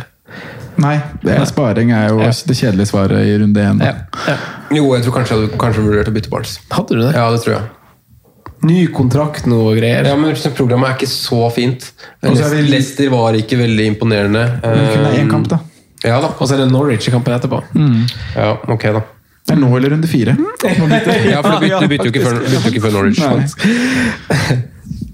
Nei, altså jeg, jeg, tror, jeg, tror, jeg tror ikke jeg hadde bytta ut uh, Barents. Jeg hadde bytta ut Gundogan hvis vi får vite noe stygt. Men man vil jo veldig gjerne ha en City-spiller i den kampen. Hva tenker dere om å bytte på altså, fra, altså, bytte bare, bare, si, bare sideveis. Eh, nå var, så var jo Ferran Torres han var ganske naken, så det var merkelig, veldig merkelig at han spilte, spilte så lenge som det han gjorde. Men, eh, men å, å bytte til eh, ja, Hvem blir det, da? Altså, du må jo du opp i skal pris til Mares og Grealish. Liksom. til en Ja. City-spiller, ja, det er Grealish fort, da. Ja, det er 0-5 opp. Men det er jo, det er, altså, jeg tipper jo de aller, aller fleste har brukt pengene de har i banken, da. Ja, det er ikke mange simner der ute som har én mill. i bank. Nei. Nei. Og da er jeg jo fort, da koker du egentlig ned til at hvis du skal bytte ut Gundergan fordi han er langtidsskada eller ute lenger, så blir det Greenwood eller Benrama, Altså. Ja. Ja, jeg er enig. Fordi Du tar jo ikke minus for å hente penger, liksom. Hvis jeg skulle vært med City akkurat nå, så hadde det blitt Grealish. Mm. Enig. Eller opp til Stirling, fordi at taket er så stort. Men uh, jeg vil jo ikke vite en mare til den nakne kampen mot, mot Tottenham, selv om jeg kommer til å sitte der og håpe sjøl. Men han fikk jo faen ikke ball. Hvem? Mares, Han han der. fikk ikke kula, han har jo den 100% sjansen. Men han, det var alt skulle ut på venstre hele tiden. Og Og jeg er enig med, med dine observasjoner av Grealish også. Jeg syns han var så bra med ball, og jobben han gjorde defensivt var bra. Så jeg tror han er ganske bankers, egentlig. Ja. Uh, så jeg føler meg litt trygg på det. Det er dumme gule kortene han alltid får. Det fikk han i Villa òg, husker jeg. Ja, der, eh, Han drar med seg det. Men, eh, men en litt eh, interessant greie, som også er en sånn, sånn stats-ting, som, som man må ta i vurderinga, som mange er jo veldig glad i å bruke stats, men uh, uh Sortsjekk han, han, han, han hadde tre avslutninger i boks, men Rama hadde to. Ja. Eh, og så Hvis du ser på expected goals uten å inkludere straffene, så er Sortsjekk på 0,69 og Ben Rama på 0,44. Ja, ja, er, er Han kommer til å komme over vet du. Ja, han gjør det. Selv om vi kommer til å si Ben Rama hver eneste gang, Fordi Solskjær altså. skårer jo på den returen på det straffesparket. Han er der òg. Han er der også. Men når vi satt og så Nå er det centimeter unna på, på mål til Cresswell. ja. Og corneret i forkant av det. Han har en kjempesjanse på første corner. Så at Sortsjek blir verdi til seks blank, klink. Han Er han blir det altså. bedre enn Craig Dawson in prime på offensiv dødball? Ja. Han er det. Prime Craig, prime Thomas. Uff. Fytti Jeg det, si, jeg vil nesten si ja. Han er så rå på de løpene inn i boks. Altså. Ja, han, ja, han er det. Han er Vi snakka om det før, liksom, nå når du liner opp for Det greia med Westham er at det er jo ikke bare én. Du har Sortsjek, du har Craig Dawson, du har Declan Rice, du har Antonio. Det er så mange Du har sterke han Bonna skåret vel Bånd en- er det, ja. Det er så mye beist der inne, i tillegg til at du har dødballfoten til Cresswell. Cresswell. Så nei, Sortsjek til seks er vel, kan nesten vurdere det vel så mye som å vurdere Ben Rama. Tidligere begynner å diffe, men nei, han skal- han fikk jo skåringa si noen ganger. Og så blir, det litt overskygga, for det blir jo skåra fire mål. ikke sant? Så, så hvis det bare hadde vært en strafferetur, så så hadde han vært en ganske stor Så, så må vi huske også da, at Westham ikke kommer til å skåre fire mål hver, hver, hver runde. Men de er, blir vel sikkert litt som i fjor. da, at Enten så er det null, eller så er det liksom kaosmatch. Fullt kjøra. Altså, de hadde jo ni clinches, som er ganske Ja, eller til ligaplasseringa, så er det vel kanskje litt svakt, faktisk. Med tanke på at de ble nummer, nummer seks, vel. Ja. Men, men for å være Westham så er det en veldig bra sesong. Ni clean sheets på, og en Ja, så Nei, det er, um, det er vanskelig å velge, men jeg står vel egentlig med at sånn, selv om jeg ikke syns han hadde en voldsomt god 90 minutter, hadde en veldig god andre omgang, så er vel Ben Rama den som utpeker seg mest, med unntak av Antonio. Antonio da. Hva tenker dere om eh, Yota, da? Nå, nå fikk han jo Han fikk jo den timen som, som vi som eiere Hvis vi hadde eid han inn mot frister, så hadde det vært det vi hadde vært litt sånn redd for. Vi frykta ikke så mye at han ikke kom til å starte, men vi var sånn ja, Han kommer sikkert til å få en time, og det er dritt. Han fikk jo to poeng mer da, fordi han uh, brukte, litt god tid på å løpe av banen. Så det er jo fint for de som er Men, eh, men hva tenker dere nå? Altså, Simen, du som er Liverpool-mann. Uh, Bobby, kan han starte mot Burnley? Ja, han kan det. Eh, og jeg syns jo Sala og Eller spesielt Sala kommer bedre til sin rett med Firmino på banen.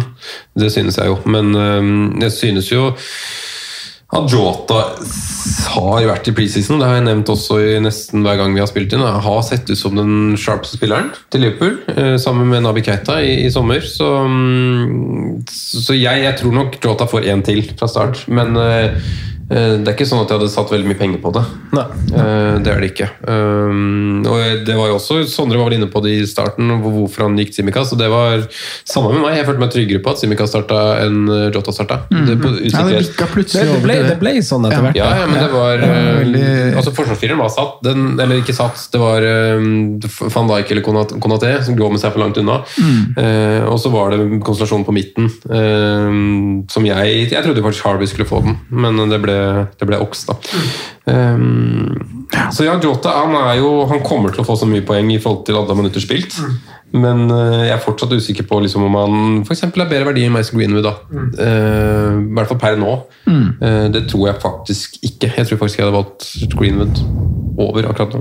Jeg tror også det, faktisk. Skal vi hylle Sala litt, eller? For dæven, han var god i den kampen. Ja, han, det var, altså, jeg følte Han skrur på når han må. Det er så, klass, det er så klassisk. ikke sant? Vi nevnte det, Jota har sett bedre ut i preseason. Sadio Mané har sett sharp ut etter å ha hatt en ferie. Og så kommer det til nå. Salah har sett dårligst ut i preseason. Av de, da. Han har ikke sett dårlig ut, men kanskje minst. Svakest i trioen. Ja. De fire Ja, Men han var bikkjegod! Sånn skikkelig god. Det er sånn, jeg tror ikke jeg har sett han sånn, Nei, også sånn team player. Så, ja, det var akkurat det. Team player, for det har du ikke sett så ofte før. Han har vært veldig trigger-happy og litt sånn, ikke selvkonsentrert. Det er litt mer på typen han er. Han er jo en målstink, han vil skåre mål og alt det der, men nå var det sånn han ville veldig at Sadio Mané skulle skåre. Prøvde veldig liksom å legge opp til det, og uh, passe inn til Femino er klasse. Um, veldig sharp. Um, helt riktig av alle som kaptein han, selv om Bruno Fernandes fikk tre, mål, nei, tre poeng mer.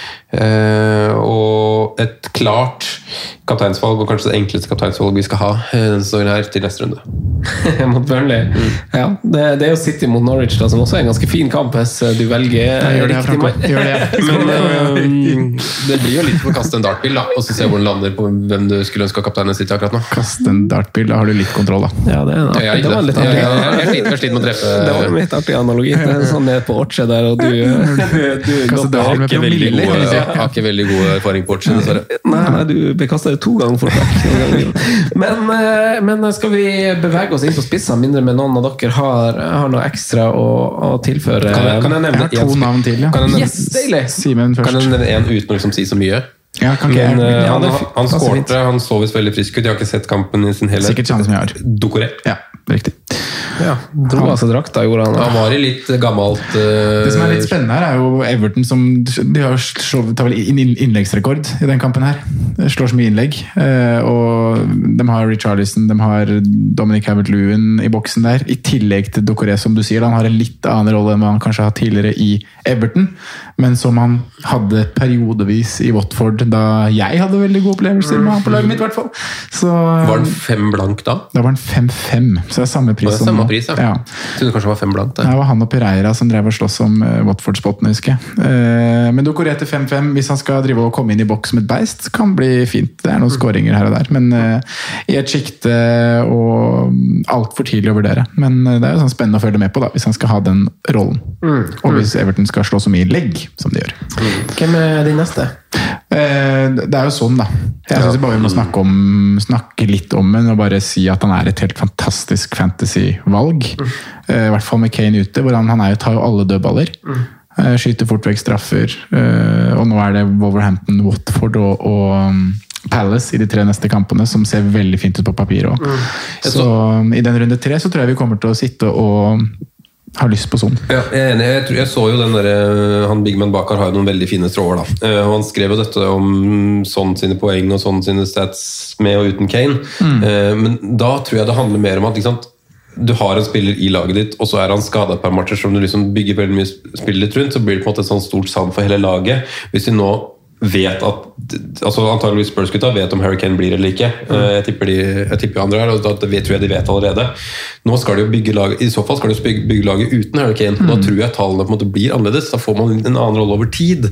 Og da kan det bli mye mer interessant med, med sånn. Så jeg har sånn høyt på den, eh, på den lista. Altså. Ja. Han er jo så klinisk. Så, Han er det. ja. det eneste som kan hemme er at han det vi snakket om Mora i sted, at han har for dårlig tilretteregler rundt seg. Da. At han er avhengig av å gjøre det Ja. alene, som han gjør nå igjen. Det er ikke en ferdigskåra pasning han forut til høyre der, som han drar med seg inn og klinker i, i lengste. Så, Nei, den kan vel reddes òg? Den kan vel reddes òg? det var litt rar inntreden av hvem var det, Diaz, som gjorde en litt sånn rar blokkering som jeg tror setter ut Edersen. Oh, det tenkte jeg ikke på. Nei, for Han prøver liksom å blokkere en sånn der liggende oh, ja.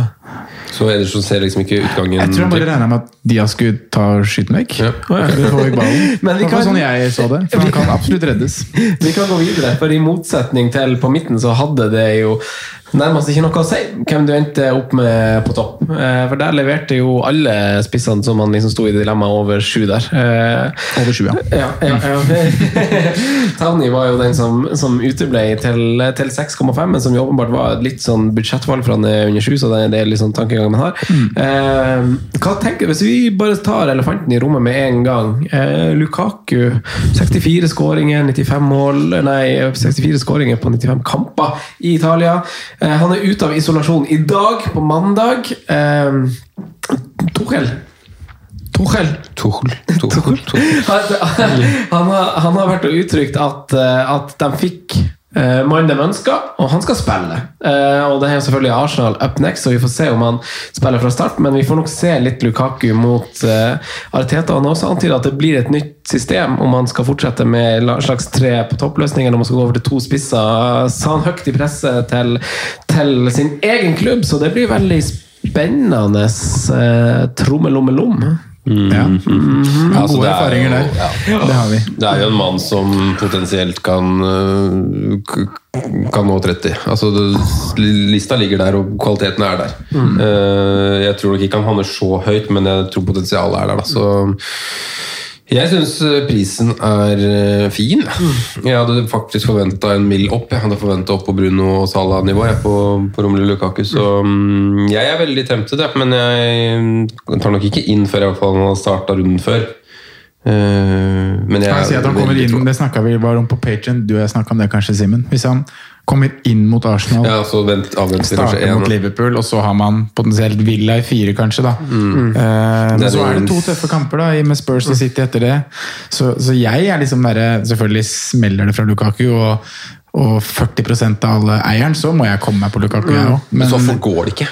han har 11 allerede, altså. Ja, men, men, men så ser dere for dere at han til 11,5 da skal han liksom banke inn Da skal han enten skåre veldig kontinuerlig, liksom, minst ett mål per kamp, eller liksom få de to skåringene mot Liverpool borte, Tottenham borte og City. Og gjør han det?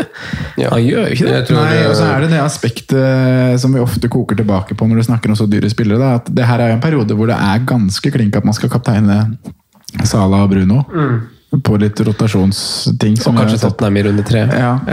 Eh, Så, så det er kanskje ikke før runde sju egentlig Lukaku blir sånn ordentlig aktuelt i kapteinsduellen også, da. For da har er- noen veldig fine kamper. åpenbar. Southampton 7, Norwich 9, så mange- Burnley 11. Alle de hjemme. Med så mange budsjettspillere du har nå, da, uh, altså per nå, så tror jeg du klarer å stable et lag med som premiums Trent, eh, Salah, Bruno, Lukaku, og så er det budsjettresten. Det tror jeg, og det tror jeg hadde gitt voldsomt med poeng. Altså, på, Ja, det, det, altså det er jo det som er greia. Man, man er litt sånn opptatt av at de to dyre spillene man har, skal man kunne kapteine, og ser en naturlig reaksjon altså sånn, Et mønster der er at det, det gjør man bare. Men eh, jeg minnes også ha, at man har gått for tre premiums, og så har det lønna seg fordi kampprogrammet har tilsagt at det kan gjøre, fordi at uavhengig om du velger spiller tre da, som, som inn på laget som allikevel ikke er kaptein, så scorer han såpass høyt fordi motstanderen hans også er såpass så Noen ganger så er det liksom bare sånn at alle stjernene liner seg opp, at nå har tre gode lag kjempefine kampprogram, så det er kanskje det, det riktige å gjøre. da og, og ikke drive og spre de midlene, men at tre kanoner er riktig for en periode. da Og det kan man kanskje forespeile seg at kan skje, men akkurat runde sju der så kan det jo nesten være nesten litt viktig, egentlig, for eh, City og Liverpool møter hverandre, og United og Everton. Det er sånn Ja, det er sånn, Han har Southampton hjemme. Ja. Ja, ikke sant? For den ene runden. Ja. Og som vi har nevnt også, at uh, Lukaku har en tendens, og har vist det ganske ofte, at når han først får litt blod på tann mot et eh, lag eh, som er eh, i hvert fall dårlig prestasjon i den kampen, da. er ofte et dårlig lag på tabellen også, så er han, er han fint kapabel, kapabel til å skåre både tre og fire. Herregud, hvis han skal ut og spille mot Pablo Mari der Det rekker han. Kommer til å gi så juling. han. Eller Ben White, for den saks skyld. Han var ikke noe duellspiller Han så litt puslete ut, da, men jeg håper at han kan klare å reise kjerringa. Ben Hype, som vi kaller ham. Ben Hype. Eh, ja, men noe mer på spissa der? Altså, der har jo folk valgt spillere som åpenbart eh, leverer. Altså, jeg valgte Ings på bakgrunn av kamper, rett og slett. Eh, nå er det jo et helt nytt system, og som du antyda tidligere i episoden, Simen, så så gikk det jo ikke på skinner i åpningskampen borte mot eh, Watford, men de har to veldig fine kamper på papiret. Og han skårer jo som sagt på et straffespark. Eh, Det er ikke klønete straffespark jeg har sett blitt laga. Men eh, det er ikke klønete, det er dumt. Dustdårlig. Men, men ja, Simen, du rekker Det er med det. en liten ting der, fordi at Nå så vi det runde én. At vi hadde Jeg tror da, vi er inne i en periode nå som kanskje ikke varer over hele sesongen, men jeg tror vi er inne i en periode hvor hjemmebanefordelen er større enn noen gang. Eh, Det var sju hjemmeseiere, tre borteseiere i runde én. Eh, Ingen uavgjort, litt spesielt det også. Eh, Men du så også alt det trøkk og den energien folk har spart på nå. da. Så jeg tror det at hjemmekamper i neste runde nå kan være gull, og at man kanskje skal fokusere litt mer på det man gjør når man er vanlig, og kanskje også tenke på de man Ok, Skal de byttes ut? Ok, Nå har Villa to hjemmematcher å svare på. da, eh, Mot et Newcastle og, og Brentford, vel, ja, som, som står på tur. så Danny Ings, selv om han ikke leverer all verden og får en hellig straff på slutten, så er det et keep calm, tenker jeg. altså. Bruk det for det det er verdt. Det tenker jeg òg. Jeg er enig. Jeg er enig. Skal vi Det eh, gå videre til våre spalter? da? Gjør det. Og så hopper vi til spalten.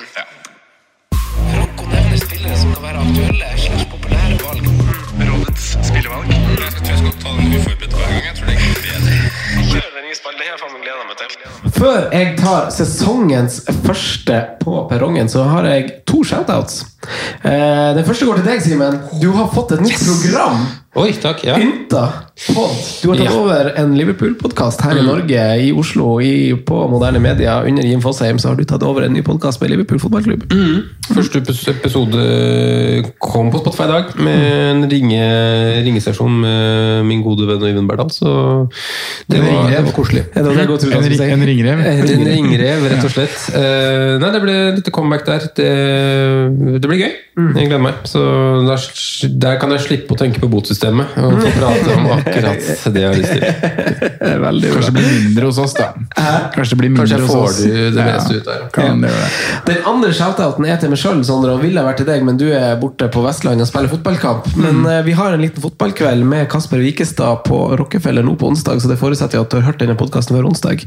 Eh, det blir jo lite og intimt. Eh, det blir satt ut bord, det blir ikke liksom konsert og kvelertak-stemning, men eh, vi har i hvert fall lagd et lite show, og det skal snakkes Premier League og engelsk fotball der.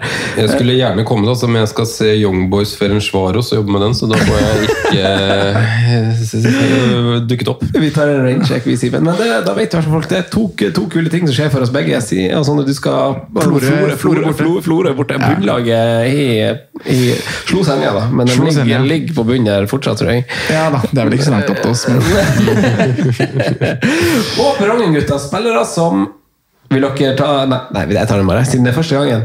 Ja. På perrongen spiller som informere, informere nye, vet du. Informere nye lyttere. Det er en eh, tradisjonsrik eh, spalte som vi har hatt eh, hver sesong. Og På perrongen er et metafor vi bruker for tog som går, og man skal hoppe på dem eller ikke. Og togene er jo da fotballspillere som har levert runden som gikk. Eh, skal Ikke lokaltoget til, til Asker. Nei, det er, som, det er i hvert fall ikke denne perioden. her, Nå er det bare buss for tog og drit. Men, eh, men på perrongen, spillere som leverte, skal du hoppe på yay or nay? Og vet du hva, siden det er Altså, vi pleier å være litt sånn bom, hard. Eh, men hvis dere føler et, et, et altså, For ingen av de her spillerne har egentlig blitt nevnt. Eh, Det er noen vi har spart nå. ja, på en, må- altså, de, de har blitt nevnt, men de har kanskje ikke altså, lyttere som hører på det her nå, vil kanskje føle at de har ikke snakka nok om han her. Eh, han burde snakkes mer om. Så først er jo Pogba. Jeg er på Pogba. 7,6. Er han på en yay or nay? Vi var jo litt, litt sånn negative i stad, og vi begynte plutselig å snakke om Greenwood, og da gikk Pogba i glemmeboka, men Nei, han gjorde ikke det. Han blei nedprioritert. ja. ja. Og det var svar nok, tenker jeg. Ja, for um, det blir et nei. Ja. Men hadde dette vært første gang jeg hadde sett Paul Pogba, så hadde det blitt definitivt et yay. Fin vinkling. Ja, fin vinkling. Ja. Skal vi ta alle som at vi aldri har sett dem? Ikke har, ikke har noe kjennskap. Alonso, han skal på. Han skal på. Uh, nei, det, er, en- det er nei på Pogba, da, men vil dere Altså, for Årsaken til at vi sier det, er fordi at vi heller ville ha valgt Greenwood som vår tredjemann i United, hvis man skal dit, eller er det fordi eh, eller er det fordi at man frykter en posisjonsendring, eller er det fordi man kjenner han, eller er det egentlig sånn hvis noen lyttere forteller oss eh, i morgen på T-banen Ok, jeg, satt på Pogba eh, mot mot deres råd, men jeg synes det er et bra valg. Dere ville jo ikke ha sagt sånn Dæven, det er dårlig! Nei, jeg, jeg tror han kan dra med seg en del poeng på de liksom neste, men jeg øh, Jeg frykter litt for plassen hans i laget på sikt, jeg. Ja. Ja, det er ikke min eh, begrunnelse, tror jeg. Men eh, jeg tror det handler mest om historikk og, og bare rollen han skal ha. da. At det er så mange mer offensive Rollen spillere. kan ha, ja. rollen han kan Det ja, er jo egentlig, det er jo egentlig ikke drømmerollen hans nå heller. Nei, det er jo ikke det. Og litt som vi var inne på i stad, at de assistene er ikke Det er ikke sånn at du, han spiller de på blank. da. Eh, neste spiller eh, nevnte du, Sondre. Kanskje for at dere er i samme mankefamilie. Men eh, Marcos Alonso Han eh, banka inn et frispark og er tradisjon tro, så bare får han en sånn Oi, nå må vi snakke Marco Marcos Alonso igjen. Flying start. Han så bra er ut. altså. Han så bra ut. Han er klink yay. Men hvis ikke vi har sett den spille før ikke har Ja, ja, for det er det som er fundamentet for, for, for, for ja. Har han noe konkurranse? Nei, jeg tror ikke noe, ikke noe særlig på den sida der. Det er verre på andre sida. Ja. Der er det straks litt verre, faktisk. Ja. Det her er jo en typisk eh, Jeg skal ikke si at det er en typisk fantasy-felle, for han kommer til å gi oss poeng. Ja, men det, eh, jo, det er lov å si det! Fordi plutselig er han bare ute av laget. Han kommer, han kommer til å være en av de som snitter høyest hver gang han spiller. det er helt riktig. Kan ikke si at han får ti matcher og han fem målpoeng. Da må du sette må du sette 5,5 til Eier Alonso, så må du ha 6 til Eier Chil- Chilwell, og så må du bruke Rullere begge to. de. Ja, rullere de. Får du fort vekk du minutter på begge i samme kamp. Der, vet du.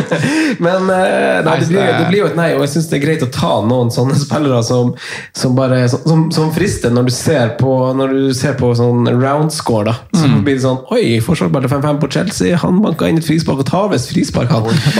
Ja. Eh, neste snakka vi ikke om, men han fikk jo også ei eh, debutskåring eh, på, på topp. Og hadde vel en til, til god mulighet, og det er en kjapping på topp i Watford. Ja. Dennis til fem blank! Ja, han sparte vi litt, eh, holdt jeg på. Jeg hadde skrevet ned på spissen i stad. For jeg har sett at det er en del prat om han inn som en, en tredjespiss, da, fordi han koster eh, Koster såpass lite som han gjør. Men nå er han vel, i hvert fall på spillet her, så står han jo flagga.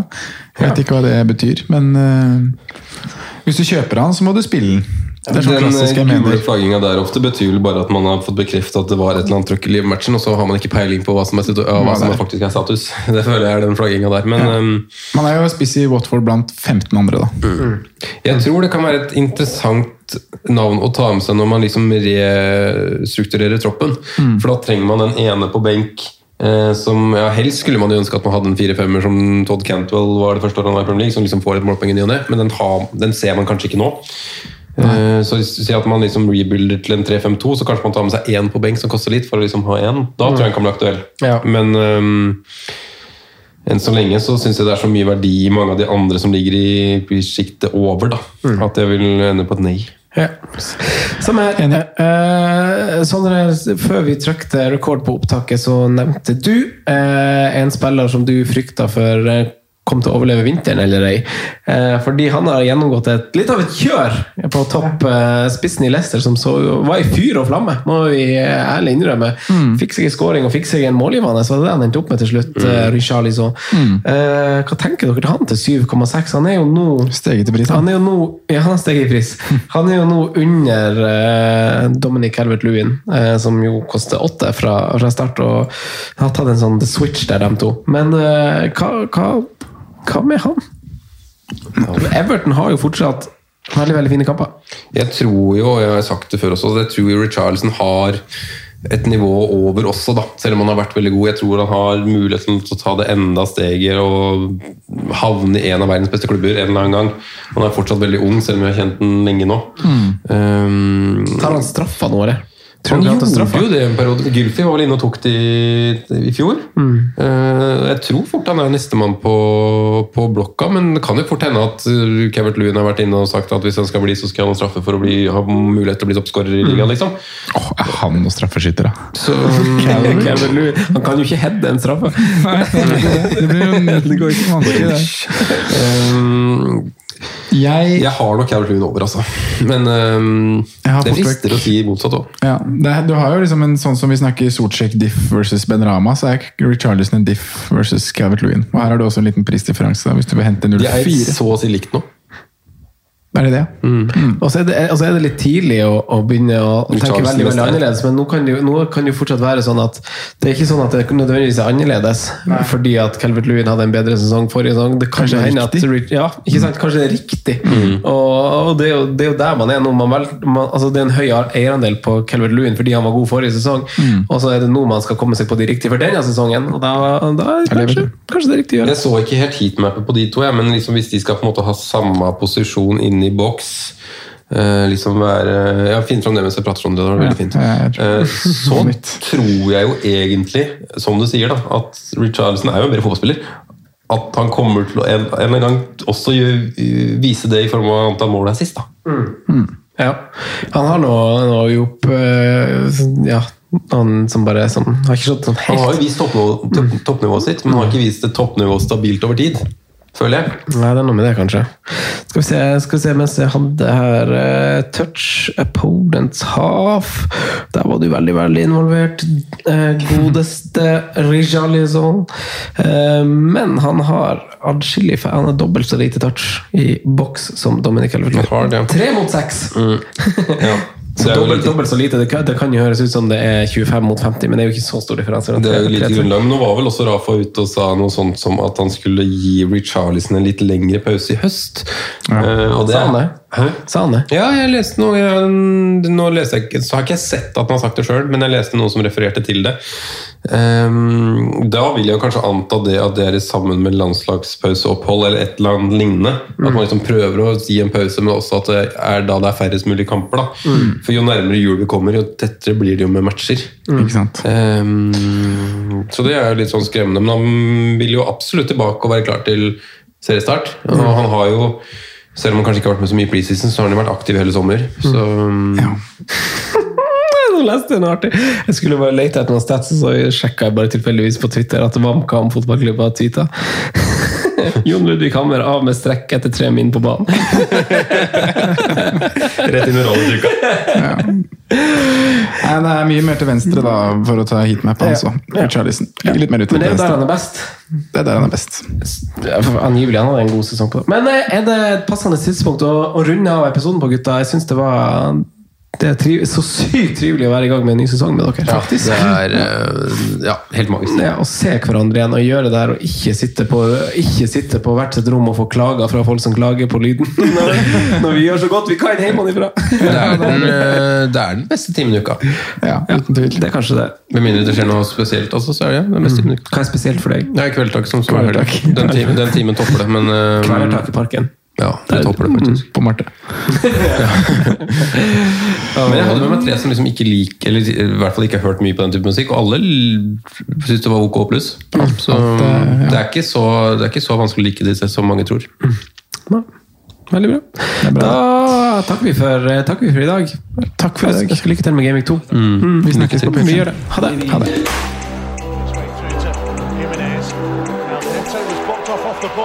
Jimenez might go in Good evening.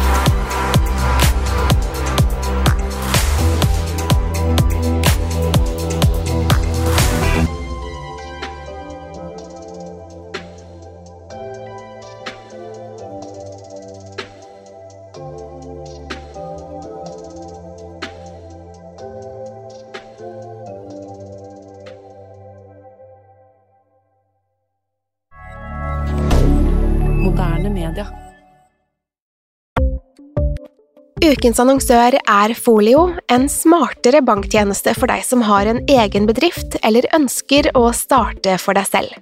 Folio er en superenkel nettbank for bedrifter. Som kunde i Folio får du en bedriftskonto med et bedriftskort og app. I denne appen er det smarte løsninger som forenkler regnskapet ditt, uansett om du har en liten bedrift eller et enkeltpersonsforetak. Folio er både intuitivt og brukervennlig, og er laget med et enkelt språk. I tillegg tilbyr de forutsigbare priser og ingen skjulte gebyrer. Skulle du likevel trenge det, så kan du snakke med deres raske og hyggelige kundeservice, og der får du prate med en faktisk person og ikke en chatbot. Folio er med andre ord både enklere og koseligere enn banken. Over 10 000 bedrifter har allerede valgt Folio som sin banktjeneste, så besøk folio.no og se hvordan Folio kan forenkle din hverdag også. Har du et enkeltpersonforetak eller en liten bedrift? Da er du sikkert lei av å høre meg snakke om hvor enkelt det er med kvitteringer og bilag i fiken, så vi eh, gir oss her, vi. Fordi vi liker enkelt. Fiken superenkelt regnskap.